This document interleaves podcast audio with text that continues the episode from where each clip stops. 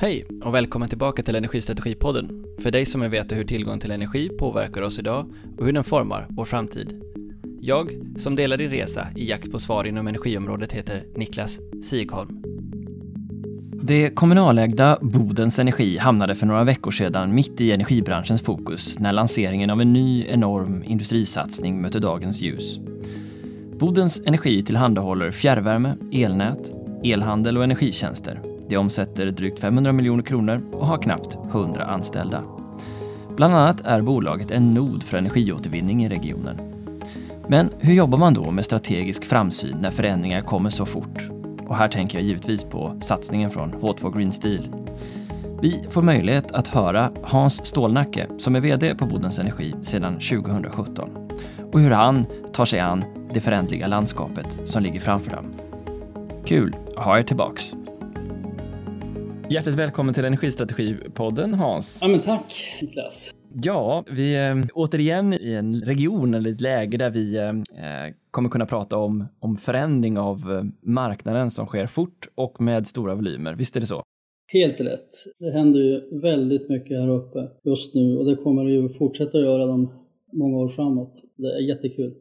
Men innan vi kommer in på det, kan du väl ge oss en eh, kort bakgrund till din ingång i energibranschen och hur du landade där du är nu? Ja, det, det, var ju rätt länge sedan som jag eh, gjorde min entré och det var ju i den, i den fossila delen av energibranschen. Det var ju efter min, min examen, civilingenjörsexamen, så eh, hamnade jag på ett norskt oljebolag nere i Stockholm. Jag jobbade rätt länge för att sedan flytta till Oslo. Jag jobbade 13 år inom oljeindustrin Eh, och redan då, på den tiden, så var ju oljeindustrin också väldigt medvetna om att man, man, var en dinosaurie. Och man ville redan då få bort den här stämpeln oljebolag och, och, och pratade mer i termer av ett energibolag. Det var, det var rätt intressant, men det var ett tag sedan. Sen eh, flyttade vi från Oslo och hamnade norrut. Jobbade eh, några år som konsult, verksamhetsutvecklingskonsult men saknade energibranschen så jag hamnade på Vattenfall där jag jobbade i 13 år, olika befattningar, väldigt mycket nere i söder om Dalälven. Och sen fick jag ett erbjudande om att, att bli chef för ett lite mer lokalt energibolag med rätt många strängar på lyran och det, det tyckte jag lät jättespännande och det det var 2017 det och jag har inte ångrat mig en sekund utan det är ett jätteroligt företag att jobba på med fantastiska medarbetare och, och en härlig utvecklingskurva. Du som har en, en ganska lång erfarenhet från olje och in, oljeindustrin också, vad tog du med dig därifrån eller vad har den erfarenheten gett dig för insikter idag? Jag skulle säga att när jag jobbade i oljeindustrin så var man ju rätt långt före det vi i Sverige kallar för energibranschen. Man, jag menar, man hade ju varit konkurrensutsatt ända sedan 1800-talet. Medan energibranschen stod inför en avreglering, inför en situation där man eh, skulle gå från att säga kund istället för belastning i systemet. Och där var ju oljeindustrin långt, långt före när det gäller att, att tänka kunders behov, effektiva processer. Sen hade man ju också väldigt gott om pengar för att investera, det, det, det ska jag ju villigt erkänna. Men man, man, var lite före, oavsett om vi pratar effektiva processer eller, eller just det här kundperspektivet. Och nu sitter du då som VD för Bodens Energi och vad var det du kom till när du började där? Men jag kom till ett företag som, ja vad ska vi säga, man hade ett antal affärsområden. Det var värme som var den största, alltså kraftvärmedelen. Lokalnätsägare, eh, man ägde vattenkraft, inga, inga stora anläggningar men, men dock. Man hade inte särskilt mycket när det, verksamheten gällde att utveckla, alltså att utveckla företaget, att kanske titta framåt lite längre än närmaste budgetperiod. Däremot så, så kom jag till ett företag med, jag kände att vi har medarbetare chefer som, som var oerhört kompetenta och, och, som också var redo för att börja tänka lite nytt. Och det har vi gjort tillsammans de senaste fem åren och utvecklat bolaget både när det gäller digitalisering, när det gäller hur vi ska jobba med, med våra marknadsaktiviteter och hur vi, hur vi ska utveckla nya produkter och tjänster och hur vi ska ta vårt ansvar i eh, klimatomställningen och, och framförallt bidra till att den kommun där vi verkar också blir en, en, en, en hållbar stad, sustainable city. Vad är era strategiska målsättningar, hur är de formulerade som det ser ut idag? Ja, om man tittar på den affärsplan vi har, vi, vi, vi kör fem år i taget och uppdaterar den varje år, men vi har fem strategiska inriktningar som vi också målstyr mot. Tillväxt är en sådan, såväl när det gäller elhandel som, som eh, värme, men även nya produkter, nya tjänster. Miljö, vi kallar det inte för hållbarhet, vi kallar det för miljö, är en annan eh, strategisk inriktning som vi också jobbar väldigt aktivt med inom samtliga affärsområden. Medarbetare och kultur är en tredje och en väldigt, väldigt viktig, viktig del. För det spelar ingen roll hur, hur fina affärsplaner man har. Vi måste ha medarbetare med rätt inställning. Vi måste ha en företagskultur som tillåter folk att ta initiativ, komma med idéer och också hjälpa till att förverkliga dem. Innovation och utveckling är också då ett strategiskt område där vi också har gjort förändringar i organisationen för att möta upp de nya krav som hela tiden ställs på oss ifrån våra kunder men även alla andra intressenter. Ska vi börja den änden då, med tanke på den eh, lokala, regionala förutsättningen på marknaden. Kan du berätta lite grann om den förändring som ni står inför? Ja, så egentligen så står vi väl inför samma förändring som de flesta energibolag i, i vår situation. Förändringen drivs ju egentligen utav klimatomställningen som sker i samhället. Om vi tittar på vår verksamhet så det, det största affärsområdet är ju vår värmeverksamhet. Vi jobbar med omvandling av energin i avfall och skapar då el och värme för våra kunder. Och det här, det här tycker vi är cirkulärt, vi tycker det är oerhört klimatsmart. Men vi vet ju också att alla tycker inte det. Alla tycker inte att det är lika bra som vi gör. Och, och det, det, finns både på politikersidan och, och EU-nivå. Och här funderar vi väldigt mycket på hur ska vi bidra till att framhålla fördelarna med att omvandla energi från avfall? Och hur ska vi ta vårt ansvar för att se till att till exempel koldioxidutsläppen från avfallet minskar över tid?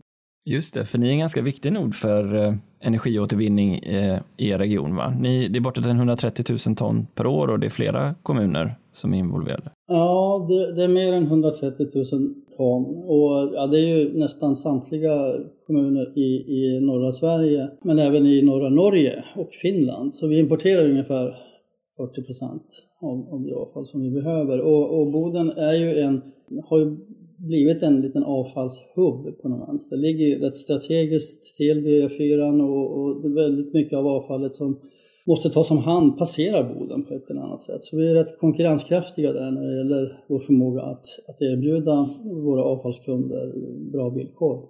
Och vad händer exempelvis för er när eh, Tekniska verken i Kiruna avvecklar sin avfallsförbränning? Påverkar det er också? Eh, till viss del så gör det ju naturligtvis det. För avfallet i de kommuner som idag eh, kör till Kiruna behöver ju någon annanstans att ta vägen. Där försöker vi bidra.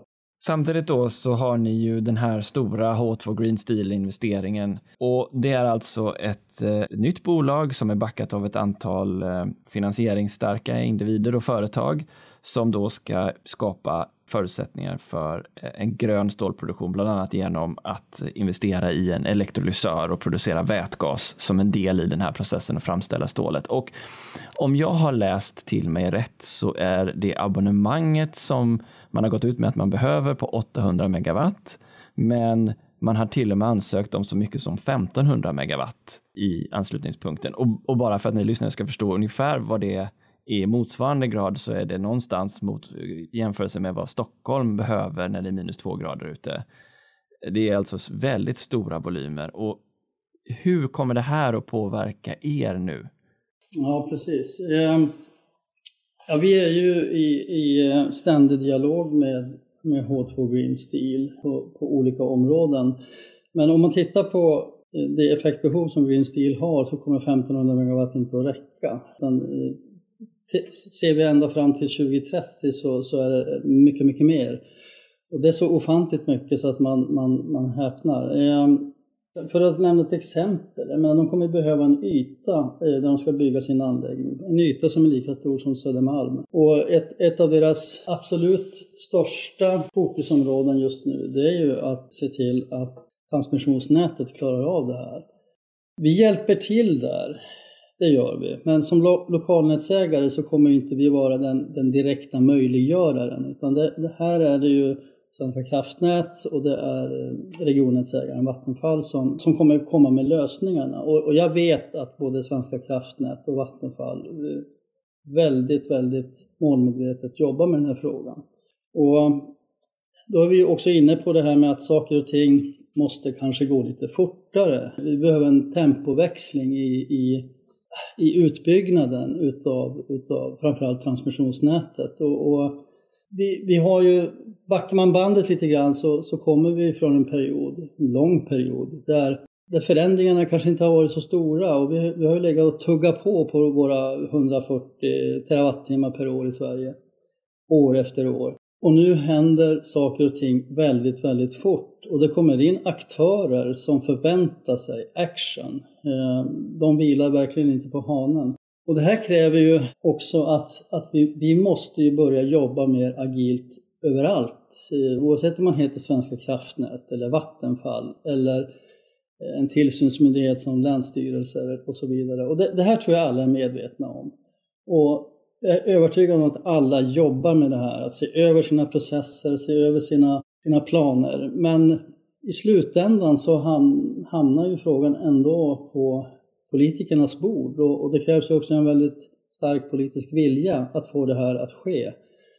Och det kan ju till och med krävas lagförändringar, alltså både i ellagen och i miljöbalken, för att möjliggöra att vi tar lite längre kliv och att saker och ting går lite fortare. Så att samverkan tror jag, mellan oavsett om det är tillsynsmyndigheter, region, lokalnätsägare, kunder, trafikverk etc konstruktiv samverkan, det, det tror jag är nyckeln. Ja, för att sätta lite tidsperspektiv åt oss här, eh, så läste jag att det är 2024 som den första anläggningen ska vara klar. Det stämmer. Det stämmer. Ge gärna ditt perspektiv på den tidshorisonten och hur man skapar en förändring. För i den här branschen är det ju, är det ju motsvarande en sekund. Ja, så är det. Och, och det, det, är också lite grann det jag tycker är så himla häftigt när, när, när den här typen av aktörer kommer in. De säger att förr har det tagit tio år att förstärka stamnätet. Vi vill att det ska ta tre år. Tänk om! Och jag tror att alla i branschen, eh, vi som är van vid hyfsat långa ledtider, häpnar lite grann över deras tidplaner. Men eh, de menar allvar och de är oerhört drivande, kompetenta, ambitiösa och eh, jag är, jag är övertygad om att, att, att de kommer fixa det här. Sen om det blir någon månad hit eller dit, men eh, det, det kommer hända saker. Hur långt ifrån era eh, nät är den här investeringen i Svartvik, ert fjärrvärmenät och ert elnät? Ja, det är inte långt. Det är eh, Svartbyn heter det. Förlåt, Svartbyn. I Svartbyn finns ju, där, där dundrar ju Svenska kraftnät in eh, med i princip hela Luleälv. Vattenfall finns där med sitt regionnät och vi är ju där också eh, med vårt lokalnät. Och eh, vi, vi, äger säg 20 kilovolt och neråt då. Sen har vi Vattenfall och Svenska kraftnät. Så det, det är som en, en hubb för hela eh, Luleå älv. Avståndet, alltså vi behöver ju också titta på, på andra delar av infrastrukturen, till exempel fjärrvärmenätet. Det är enorma mängder spillvärme som kommer att eh, frigöras här, både lågvärdig och högvärdig spillvärme. Och här sitter vi också i diskussioner med både H2 Green Steel men även med Luleå Energi som är vår, vår, vår granne tre mil bort eh, för att se hur, hur kan vi gemensamt hitta lösningar för att ta tillvara på, på spillvärmen i, i det här systemet. Och vi har redan börjat projektera eh, så att säga, sammanbindningsledningar, inte mellan oss och Luleå än, men mellan vårt kraftvärmeverk och Svartbyn. Det är väl någon, någon mil bort. Ja, om jag får resonera lite öppet här nu då och jag tänker som ingenjör att eh, det är då 800 megawatt till att börja med, det är en elektrolysör. Vi tänker oss att det är en verkningsgrad som förvisso är hög, men det är ju ändå volymer som är väldigt stora i form av restvärme. Hur kommer det att påverka er produktion som du ser det nu? Ja, det som pågår just nu det är ju då att vi tillsammans med Luleå Energi och eh, Sweco som Otto Green Steel har anlitat jobbar, håller på att jobba fram olika scenarios beroende på vilken teknik man kommer välja på, på området och, och beroende på hur stora de här eh, mängderna av spillvärme, framförallt den högvärdiga, blir. Eh, så det är lite tidigt att svara på den frågan Niklas, men, men eh, olika scenarios håller på att tas fram. Sen jag menar, vi, vi är avfallseldare och, och, vi har alltså negativa bränslepriser och vi får väl se hur vi, hur vi, vilka lösningar vi hittar. Eh, Luleå Energi har, har ju en liten annan situation. De, de är ju ett bolag som redan idag använder spillvärme för att förse deras kunder med med fjärrvärme. Det är ju eh, som ni vet de här koksgaserna från SSAB. Men även på den sidan så sker det ju förändringar och eh, fossilfritt stål det, det, är, eh, det är ju vägen alla kommer gå. Även SSAB på sikt. Jag har inget konkret och rakt svar på det här utan vi måste avvakta lite grann de, de utredningar som just nu pågår. Men, men vi, är, vi är liksom eniga om att vi, vi, vi ska vara en del av lösningen här. Men jag tänker, er senaste satsning på KVV18 som ni initierade i mitten på förra decenniet och var väl färdiga med 2019 om jag minns rätt. Det byggs ju ändå för väldigt långa tidshorisonter. Hur är det att jobba med å ena sidan investeringar bortåt en 40 år och så händer någonting så här? Hur, hur är man dynamisk som ett energibolag till att kunna ta in en sån här monumental förändring som det ändå innebär. Om man nu tänker i framtiden att 1500 megawatt inte ens skulle räcka. Ja men det är inte lätt. Det, det, det är ju mitt spontana svar. Det är inte lätt, för saker och ting vänds upp och ner helt plötsligt. Och det är väldigt lätt att man hamnar i, i den här ekonomiska eh, tankebanan, att man tänker väldigt mycket ekonomi och det måste vi naturligtvis göra. Alla de här lösningarna som kommer att komma till måste ju också vara ekonomiskt hållbara. Men eh, visst är det en utmaning att inse att nu måste vi börja tänka på ett helt annat sätt. Vi måste hitta möjligheter trots att vi sitter med nyinvesterade anläggningar och så vidare. Och jag är ganska säker på att de investeringar vi har gjort, de kommer att vara till nytta i det här gemensamma eh, energisystemet som, som jag tror kommer behöva byggas mellan olika städer här uppe. Den kanske oinsatta frågan, men ändå rätt så raka frågan är ju den, finns det en plats för energiåtervinningsaffären om det finns stora volymer av restvärme? Ja, det är ju 10 000 kronors frågan. Och där har jag inget svar på just nu. Men eh, jag tror det. För jag tänker, ni har ju också varit lite intresserade och nosat i CCS-frågan. Hur passar den in i den här logiken för er? Precis. Um, jag tror en nödvändighet.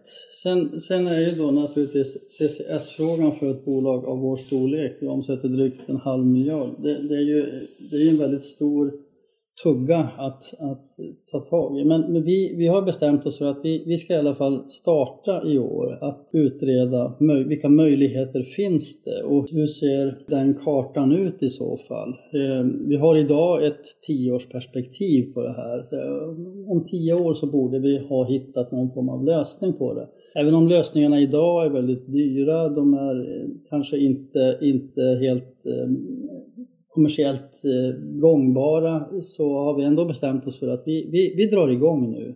Och eh, det handlar ju väldigt mycket i första hand om att vi själva måste lära oss saker och ting. Den, den stora biten när det gäller CCS är ju egentligen inte själva infångningen. Det finns ju beprövad teknik för det, utan det, det är väl lagringen som jag ser som, som det stora problemet idag. Men det är inte givet att, att det behöver vara ett problem om fem år. Men det är samma logik som H2 Green Steel egentligen anför att eh, ska ni vara relevanta med energiåtervinning så krävs också på sikt att eh, det är väldigt låga koldioxidutsläpp från det. Ja, men helt klart. Så är det. Och hur påverkar det här, den här investeringen, den här marknadsförändringen er elnätsaffär? Finns det liknande förändringar där som måste ske? Alltså, tittar man på vår elnätsaffär så, så jag menar de effekter som du pratar om så inser du också att eh, som lokalnätsägare så, så är ju, eh, så kommer vi ha en indirekt roll. Det kommer behövas, eh, alltså om man tänker bort elektrolysörer och, och, och stålverk så finns det ju mycket annat runt omkring. Det är stora kylvattenpumpar. Det kommer rekryteras väldigt mycket folk, det kommer byggas bostäder, det kommer sam, hela samhället kommer att utvecklas och eh, växa.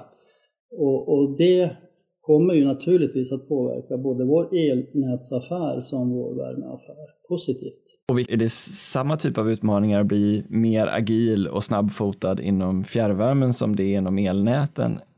Eller finns det olika utmaningar där? Nej, jag, jag tror väl Alltså att vara snabbfotade, att vara agila och att, att liksom hela tiden ha eh, en kristallkula på bordet som man uppdaterar varje dag. Det är lika viktigt oavsett om vi pratar elnät som, som fjärrvärme. Okej, okay. um, och i den här förändringen så pratade du också, eller i ert strategiska arbete så pratade du också om produkt och produktutveckling. Kan du berätta lite mer om vad det omfamnar? Ja men eh, alltså där har ju då digitaliseringen en, en väldigt viktig roll och vi tittar på olika koncept för att med, med hjälp av digitaliseringens möjligheter öka eh, den nytta vi tillför våra kunder. Det är det ena. Sen tittar vi naturligtvis också på produkter som vi inte har jobbat med tidigare men som vi nu har bestämt oss för att, att verkligen satsa på. Till exempel att hjälpa eh, vår ägare att bygga ut laddinfrastrukturen i kommunen där vi har kommit en bra bit på vägen. Vi har också startat processen med att titta på sol och solel, både parker som eh, försäljning till industrier och kunder. Så att eh, ja, det är mycket som pågår och, och men jag skulle vilja påstå att vi, vi är väldigt inriktade på att, att jobba med, alltså att effektivisera våra processer med hjälp av digitala hjälpmedel. Mm. Och, och båda de här eh, exemplen du nämner här är ju någonstans till tillgången till energi. Bilarna kommer ju också vara en viktig del i, i det framtida elsamhället. Och hur ser det ut? Finns det då, jag kanske skulle ställt den här frågan tidigare, men finns, hur ser det ut på tillgångssidan när det kommer till att dels introducera så här stora abonnemang som vi pratade om först, men också till det behov som nu det växande samhället kring Boden och regionen runt er behöver? Alltså, någonstans så tror jag att det kommer finnas el för alla. Hållbar el för alla, alltid, som energiföretagen säger. Det, det, det, tror jag. Utan det det handlar om är väl att se till att bygga den här infrastrukturen. Alltså både i nord-sydlig riktning som, som vi alla vet behövs göras, men även interregionalt. Ehm, jag menar, den här elbristen som vi pratar om i, i eh, södra Sverige, SE4 och SE3, den finns ju faktiskt, den börjar ju även märkas av längs Norrlandskusten. Vi har väldigt stora industrier och så har vi nyss pratat om att nu kommer ju ännu fler energiintensiva industrier att etablera sig. H2 Green Steel är ju ett exempel, men du har ju Hybrid som nu hamnar uppe i Malmfälten. Vi har ju Northvolt-satsningen i Skellefteå det kommer startas upp grafengruvor i norra Sverige. Du har ett stort gruvbolag som är relativt nytt på marknaden som heter Kaunis Iron som har också sagt att hållbarhet är allt. Vi, alla våra maskiner, eh, lastmaskiner, truckar ska drivas med el. Ja, och ännu fler gruvtäkter som skulle kunna utvecklas ja, beroende på vad som precis. händer. Men, men det här innebär ju att det kommer inte räcka med att bara bygga ut infrastrukturen utan jag är ju helt övertygad om att vi måste också titta på att bygga ut den fossilfria elproduktionen. Jag menar, ser vi på våra kärnkraftverk, ja, men de står för ungefär 40 procent av den svenska kraftförsörjningen idag. Men jag menar, bara om 20 år så har de ju uppnått sin maximala livslängd. De börjar ju fasas ut redan nu och det här måste ju ersättas på något sätt. Vindkraften byggs ut kraftigt, men det har den gjort under ganska många år nu och även den befintliga vindkraften behöver vi också börja reinvesteras i. Så att, eh, att bygga fossilfri, ny fossilfri elproduktion, eh, det tror jag är eh, en absolut nödvändighet för att klara av de här kraftiga ökningarna från de här 140 terawattimmarna per år till kanske över 200 om, om bara tio år. Jag tycker det är lite intressant det du nämner att eh, den effektproblematik som vi tidigare bara har sett i södra Sverige också skulle kunna bli aktuell även i norra Sverige. Eftersom vi har ju sett så stora prisdifferenser mellan SE4, då, eh, det mest södra elområdet, och SE1 som, som ni befinner er i. Men du verkar tänka att det, ni kommer hamna i samma typ av situation om ett antal år? Ja, men så, så är det. Ehm, jag menar, om, om tio år, om let's face the fact, om tio år med de satsningar som görs här uppe så kommer ju elöverskottet i norra Sverige förmodligen inte att vara ett överskott längre. Och den poletten tror inte jag har trillat ner hos alla i branschen eh, ännu. Kanske inte hos våra politiker heller. Men så, så är det ju. Och det är väl också en av anledningarna till att jag efterlyser fler initiativ när det gäller att bygga ny fossilfri elproduktion. Ja, för det har ju varit en jättestor satsning, här nord-sydlänken som SVK har byggt mm. ja, de senaste åren. så att säga. Och, och, Det du säger här nu är att du, du, tror att effekten av den kommer bli begränsade då i framtiden. Alltså jag, jag, jag tror ju att man måste fortsätta bygga den här nord-sydliga länken. Men man måste också titta interregionalt. Eh, och när Green Steel är igång och Hybrid är igång så menar jag att, att eh, den mängd el som vi kommer att kunna skicka i sydlig riktning kommer att minska dramatiskt. Och varför tror du inte riktigt det här har sjunkit in än då? Jag vet ärligt talat inte, men, men eh, förmodligen så, jag menar vi människor, vi, vi är ju ofta fast i, som det är, kommer alltid att vara, och vi har ju levt så många, många år under den situationen att elöverskottet finns i norr och behovet finns i syd. Eh, och det är kanske är lite svårt att tänka om. För oss uppe i norr så är det ganska eh, givet, för vi, vi har ju levt med det här under ett längre tid. Men, men har, den poletten har inte riktigt trillat ner än. Och vilka slutsatser borde dras av, av, av den insikten, som du ser det? Ja, de slutsatser som behöver dras är, är eh, att vi behöver mer fossilfri elproduktion. Stabil elproduktion. Kanske framförallt söder om Dalälven. Mm. Jag förstår att varför det är därför du nämner kärnkraften. Och vattenkraften är ju, är ju stängd och kraftvärmepotentialen den är ju kanske inte heller så jättemycket större. Och det lämnar ju inte så värst många fler alternativ än, än just vind då. Nej. Um, då är det havsbaserad vindkraft då som, som är alternativet, eller? Alltså, vindkraft kom, kommer ju att, att, ha en jätte, jätteviktig roll i energisystemet framöver. Så är det. Men jag tror även att man behöver titta på hur ska vi ersätta kärnkraften med annat än intermittent elproduktion. Ja, konsekvensen blir ju annars väldigt höga eh, pristoppar, precis som vi ser det i södra Sverige just nu då, när det är vinter och inte blåser. Ja, exakt. Och det kommer ställas också större krav på energilagring och också perioder av mer import än vad vi kanske hade tänkt oss. Och vem ska då tillhandahålla det här? Om jag tillåts att spekulera lite här i detta och vi säger att vi snurrar fram klockan tio år i tiden och vi har de här eh, satsningarna nu är realiserade och eh, de har stora effektbehov. Vi har sett eh, kanske en stor tillväxt av vindenergi. Lotta Medelius Brede från SVK nämnde ju att det finns eh, ansökningar bortåt en 30 gigawatt för ny vindkraft i Sverige och den kanske blir till, men det är fortfarande variabelt. Du pratar om, om sol här som ett alternativ till el elproduktion även eh, i era region och säg då att CCS blir en nödvändig del för marknaden. Då försvinner ju en stor del av er elproduktion. Var kommer den planerbara kraften in någonstans?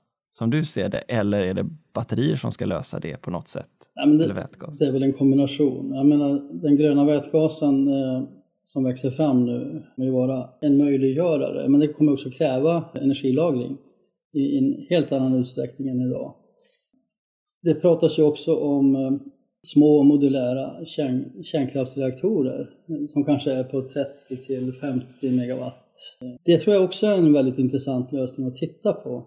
Så att det, det är väl, det är väl många, många saker som behöver klicka in. Men jag tror ändå att den här tempoväxlingen som jag pratade om, den, den måste till nu. Vi, vi måste börja eh, röra på benen lite snabbare. Och när det gäller SMR eller små modulära reaktorer så oavsett vad, vad, vad vi i branschen tycker så är det ju ändå på politikernas bord det här kommer hamna. Och det måste finnas en politisk vilja och samverkan även därifrån, över partigränser. Så ni har starkt tryck utifrån, både vad gäller förändring av era, era huvudaffärer men också utveckling av kringliggande produkter och affärer för att tillmötesgå marknadens behov. Om vi då blickar lite inåt, vad är de viktigaste aspekterna i er strategi för att få till den här tempoökningen? Tänker du nu på, för, för vår del, på Bodens Energi? Precis, ja, men om jag tolkar det rätt så är det ju både det att investeringstakten behöver öka i viss del, eh, samtidigt som förändringen av affärerna behöver öka, samtidigt som jag antar att själva er operations av hur ni driver era verksamheter också behöver förändras. Vad är de viktiga beståndsdelarna för er i er strategi att ställa om mot ett mycket högre tempo? Det finns många faktorer där, men, men en är kompetensförsörjningen. Eh, vi behöver både ny kompetens som vi inte har idag och vi behöver fler. Och kompetensfrågan är en, eh, ja, det är en väldigt viktig bit som, som vi tillsammans med många andra bolag tror jag kämpar lite grann med idag. Och jag vet ju att energibranschen Sverige väldigt förtjänstfullt jobbar väldigt hårt med att öka attraktionskraften för energibranschen. Jag menar, energibranschen för oss som har jobbat så länge, det är det häftigaste som finns. Och att, att jobba i en bransch som är möjliggörare för de här stora, den här, den här klimatomställningen som sker. Vi är möjliggörare för Green Steel, vi är möjliggörare för LKABs eh, omställning. Eh, det tycker jag är så otroligt roligt och det, det hoppas jag att fler kommer tycka. Men, men, kompetensförsörjning är en jätteviktig sak för oss att jobb, jobba ännu mer intensivt med. Ja, precis. Jag såg att regionen eh, Skellefteå norrut är, kommer vara bland Sveriges starkaste tillväxtområden de kommande 5-10 åren och det kommer ju behöva innebära en stor nettoinflyttning av personer också. Och eh, hur jobbar ni med den typen av liksom, attraktivitet och hur kan ni bidra till ja, egentligen att folk vill flytta upp till Boden och, och, och regionen runt er? Ja, men det, det, är väl ett samspel där eh, mellan eh, oss som energibolag. Ja, men vi, vi ska kunna erbjuda jättespännande arbetsuppgifter. Vi ska e- kunna erbjuda fantastiskt intressanta utvecklingsmöjligheter. Men det kommer inte räcka utan ska vi få till den här stora inflyttningen av folk som permanent vill bosätta sig här uppe så, så måste också kommuner, alla måste samverka. Jag menar, det, det räcker inte med intressanta arbetsuppgifter utan vi måste ha ett väldigt levande kulturliv, vi måste ha möjlighet till, till rekreation och många av de här pusselbitarna finns redan på plats men det gäller att paketera det här då. Och, och där, där, vill vi vara med och bidra men, men eh, det är många som behöver samverka för att skapa den här attraktiviteten, inte bara för branschen och det som händer här uppe i norr utan även för regionen i stort. Varför ska man vilja flytta från eh, Vetlanda till eh, norr om polcirkeln eller strax söder om. Det måste vi, den frågan måste vi kunna svara på på ett trovärdigt sätt. Och hur sker det samarbetet? För ni är ju en viktig del i samhällsbyggnaden av regionen. Eh, jag tycker det fungerar väldigt bra. Eh, om jag tittar här i, i Boden och även i Luleå där, där jag faktiskt bor så, så jobbar man väldigt, väldigt, eh, tycker jag, målmedvetet och gränsöverskridande med att skapa samhällen som är attraktiva att bo och leva i. Arbetstillfällena vet vi, de kommer att komma. Sen behöver vi lite andra pusselbitar också och i, i grund och botten behöver man kanske också bryta någon form av, vad ska vi säga, gamla fördomar också som finns trots allt. Att det är mörkt och kallt och, och, och som sommaren passerar på en dag. Det, lite gamla fördomar måste bort och vi, vi kanske behöver marknadsföra oss lite bättre. Om vi då tittar lite på, på området om, eh, kring digitalisering och innovation mm. som du mm. nämnde i början. Så eh, förhoppningsvis kommer det upp en, en, en stridström av människor som kommer med nya digitala förmågor och du har den här sektorskopplingen som du beskriver i början. Vad kommer digitalisering föra med sig både för utmaningar men också för framtida affärsmöjligheter för er som energibolag? Vi, vi ser väl digitaliseringen som en nödvändighet egentligen. Alltså vi, vi behöver på alla områden bli mer agila, vi behöver, eh, vi behöver skapa större kundnytta, vi behöver uppfattas som det här superspännande bolag som vi faktiskt är och vilja jobba på. Och av den anledningen så, så tror jag att vi, vi behöver använda digitaliseringen för att ja, inte bara skapa den här ökade kundnyttan utan även att, att utveckla bolaget och, och, få bort det lite, lite gamla pappersvändandet, lite halvtråkiga. Eh, ja, du förstår. Jag förstår. Och vad, vad ger det för affärsmöjligheter för er som du ser det? Ehm, hur kan ni vara en del av en digital infrastruktur och med vilka och i så fall vad tror du det kan öppna upp för möjligheter i framtiden? Om vi lyckas med, med vår ambition att eh, verkligen utnyttja de möjligheter som, som digitaliseringen verkligen erbjuder så kommer vi att öka vår konkurrenskraft. Vi kommer att eh, kunna erbjuda våra kunder produkter till ännu bättre priser än vad vi, gör idag. Så att jag menar, det här gör vi ju naturligtvis också för att, för att stärka vår, vår eh, förmåga att konkurrera på marknaden och att skapa attraktivitet kring bolaget. Och då tänker jag så här, om nu digitalisering och nya produkter möjliggör för en, en ökad tjänsteportfölj och en, en möjlighet till, ja, rakt ut sagt, nya produkter så är det ju också så, tänker jag, att om man driver investeringar och ny innovation så medför det ju alltid någon form av risk och man tar på sig ja, helt enkelt de investeringar som det innebär. Och det riskerar ju till att leda till kostnadshöjningar totalt sett som man behöver få betalt för. Men hur ska man lyckas både hålla kostnaden i schack för en kund som i framtiden vill ha ett billigt och flexibelt energis, energilösning Eh, samtidigt som det kräver att du går ut och tar mer affärsrisk? En bra fråga som är kanske inte helt enkel att svara på i en enda mening. Men, men eh, att vi måste ta affärsrisk för att utvecklas, det tror jag är nödvändigt. Eh, däremot så är vi väldigt noggranna med att, att verkligen inte hoppa på varenda tuva som finns, för det finns väldigt många tuvor att hoppa på, utan vi gör ju väldigt väl avvägda bedömningar av Ehm, vad är det vi behöver utveckla för att bli mer attraktiva, för att bli mer konkurrenskraftiga och för, för att göra mer affärer i slutändan. Och det innebär ju också att vi väljer bort massa saker. Nu har vi några spår som vi, som vi tror på och när vi väl tror på någonting och, och satsar då går vi också all in. Och det gör vi nu. Men sen vill man ju också se resultaten utav, utav de här satsningarna. Man vill se att man, man har fattat rätt beslut och att, att det här leder till de förbättringar som vi, som vi önskade innan man kanske kastar mm. sig på nästa ja, men Jag förstår, du nämnde ju lite grann, du lyfte på locket där och sa att ni jobbar med olika scenarier och scenarioplanering. Kan du berätta lite om den processen då för att kunna avgöra vilken väg man ska ta som lite grann ligger i strategiutvecklingens kärna? Ja, de här scenarierna som vi pratade inledningsvis om, det är ju de vi bygger nu tillsammans med eh, Luleå Energi och eh, Green Steel kring eh, energisystemet. Alltså hur, hur, ska vi bygga ett sådant effektivt energisystem som möjligt om man tittar på Luleå-Boden-regionen.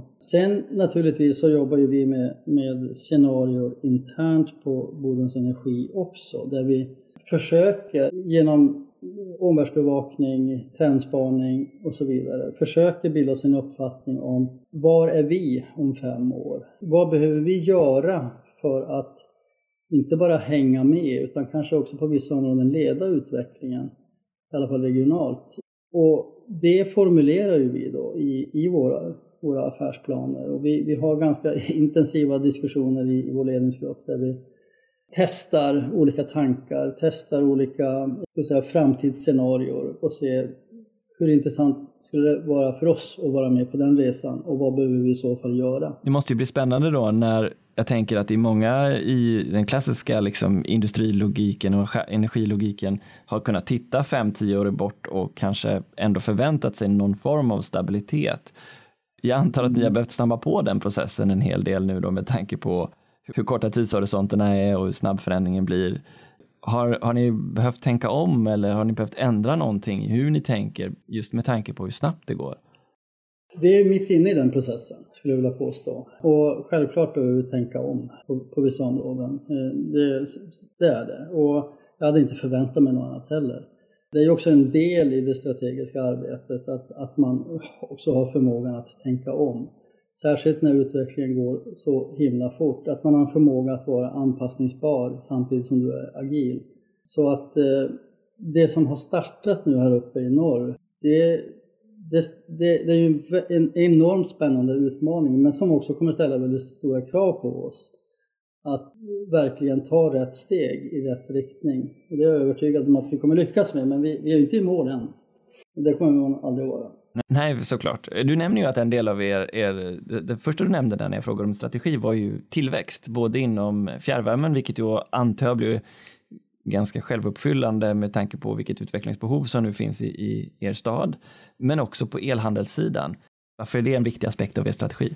Tillväxt är ju eh, naturligtvis jätteviktigt och tittar man på, på vår fjärrvärmeaffär så den är ju lokal, än så länge i alla fall. Eh, vi får se vad som händer om, om tre år. Men eh, vi har ju idag en eh, stor konkurrensfördel uppe i norra Sverige som jag ser det. Jag menar, vi har eh, egen eh, vattenkraftsproduktion, förnybar el. Vi, eh, vi har vår återvinningsbara el som vi tillverkar i våra kraftvärmeverk.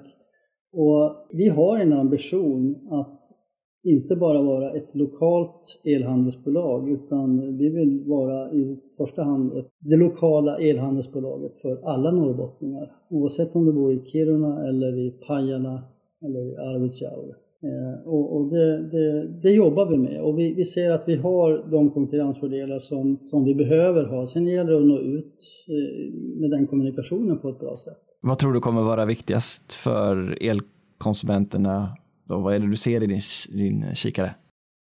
Alltså, om man backar bandet lite grann så, så har ju alltid pris varit någon form av, ja, vinna eller försvinna. Det, det, det, tror inte jag är lika viktigt längre. Det, det, växer fram en helt ny generation kunder som, vill, som är mer kräsna med, när det gäller val av energibolag. Det räcker inte med att ha ett lågt pris utan det ska kännas rätt det, det, ska kännas att, att, att man är kund hos ett bolag som står för de värderingar som man själv har, eh, som står för någonting positivt i samhället, så, som också är en, en, drivkraft när det gäller att skynda på den klimatomställning vi står inför. Och då, då tror jag att, jag tror att det är ännu viktigare än, än, än ett öre hit eller dit. Utan känslan av att tillhöra ett bolag som skapar nytta, samhällsnytta och som är en positiv drivkraft eh, tror jag kommer att bli avgörande. Och så om man går över på fjärrvärmeaffären då och dess tillväxt då, finns det, det kanske är ett annat sätt att vrida på den här frågan såklart då, men finns det också hot i den förändringen som ni går in i nu för affären? Som jag sa eh, för ett tag sedan så ser ju vi avfall, alltså energiomvandling eh, avfall som, som någonting väldigt, väldigt positivt och viktigt. Hotet är ju i så fall, alltså vi inser ju att alla tycker ju inte så.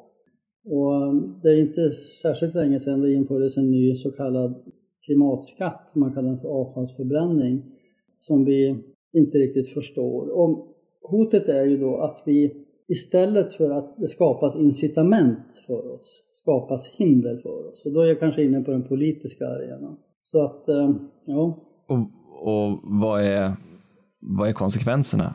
Vad är, vad är utfallet av, av den, det scenariot som du ser det? Ja, men det, det jag hoppas är att alla, alla ska förstå hur viktigt det är att vi tar hand om, om avfallet och omvandlar det till, till samhällsnytta.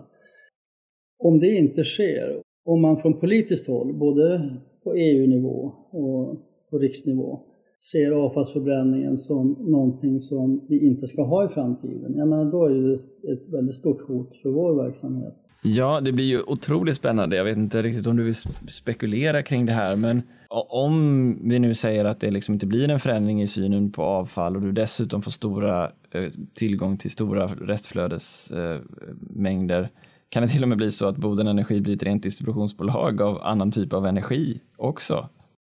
Ja, men det är ju ett scenario naturligtvis. Så, så kan det bli. Men jag ser ju ändå så att säga den här möjligheten som nu kommer att öppnas med Green Steel eh, ser jag ju som en styrka.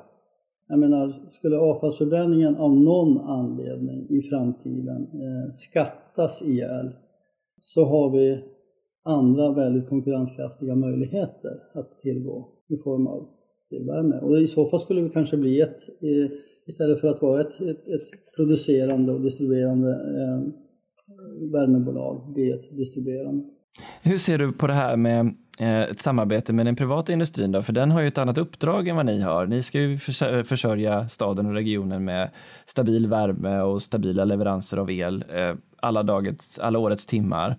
Eh, Medan ett internationellt bolag kan ju drabbas av ja, konkurrens och i värsta fall eh, konkurser och förändrade produktionsvolymer som kanske inte ja, kan vara lika pålitligt. Hur, hur ser man på en sån fråga? Är det, är det flexibilitet som ska lösa en, en variabel produktion eller hur, hur, löser man att ena parten måste stå för stabilitet och den andra är utsatt för en internationell marknad? Ja, en ganska intressant fråga du ställer där. Uh, nu, nu tror ju jag Eh, nu tror jag, och jag är helt övertygad om att den, eh, den väg som nu Green Steel och, och även hybridsatsningen har tagit och den ambition de har kommer att göra att under väldigt många, många år, om, om vi nu gör rätt saker och får till det här, så kommer Sverige att ta någon form av ledartröja i, i den här globala klimatomställningen. Och efterfrågan på, på just den här produkten, fossilfritt stål, kommer vara ökande och eh, dominerande framöver. Så jag, jag, ser, jag är övertygad om att det som sker här nu med, med den här omställningen av basindustrin uppe i norra Sverige. Nu pratar vi mycket H2 Green Steel och, och så vidare, men vi har ju också LKAB.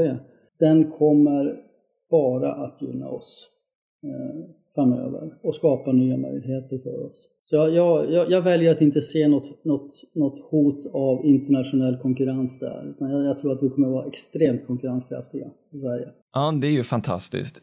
En sak som då krävs är ju en, en, stor utbyggnad av vindkraften och mycket av det är just uppe i era regioner. Vad har vindkraften för typ av stöd i er region? Är det bara positivt eller finns det andra sidor av det också?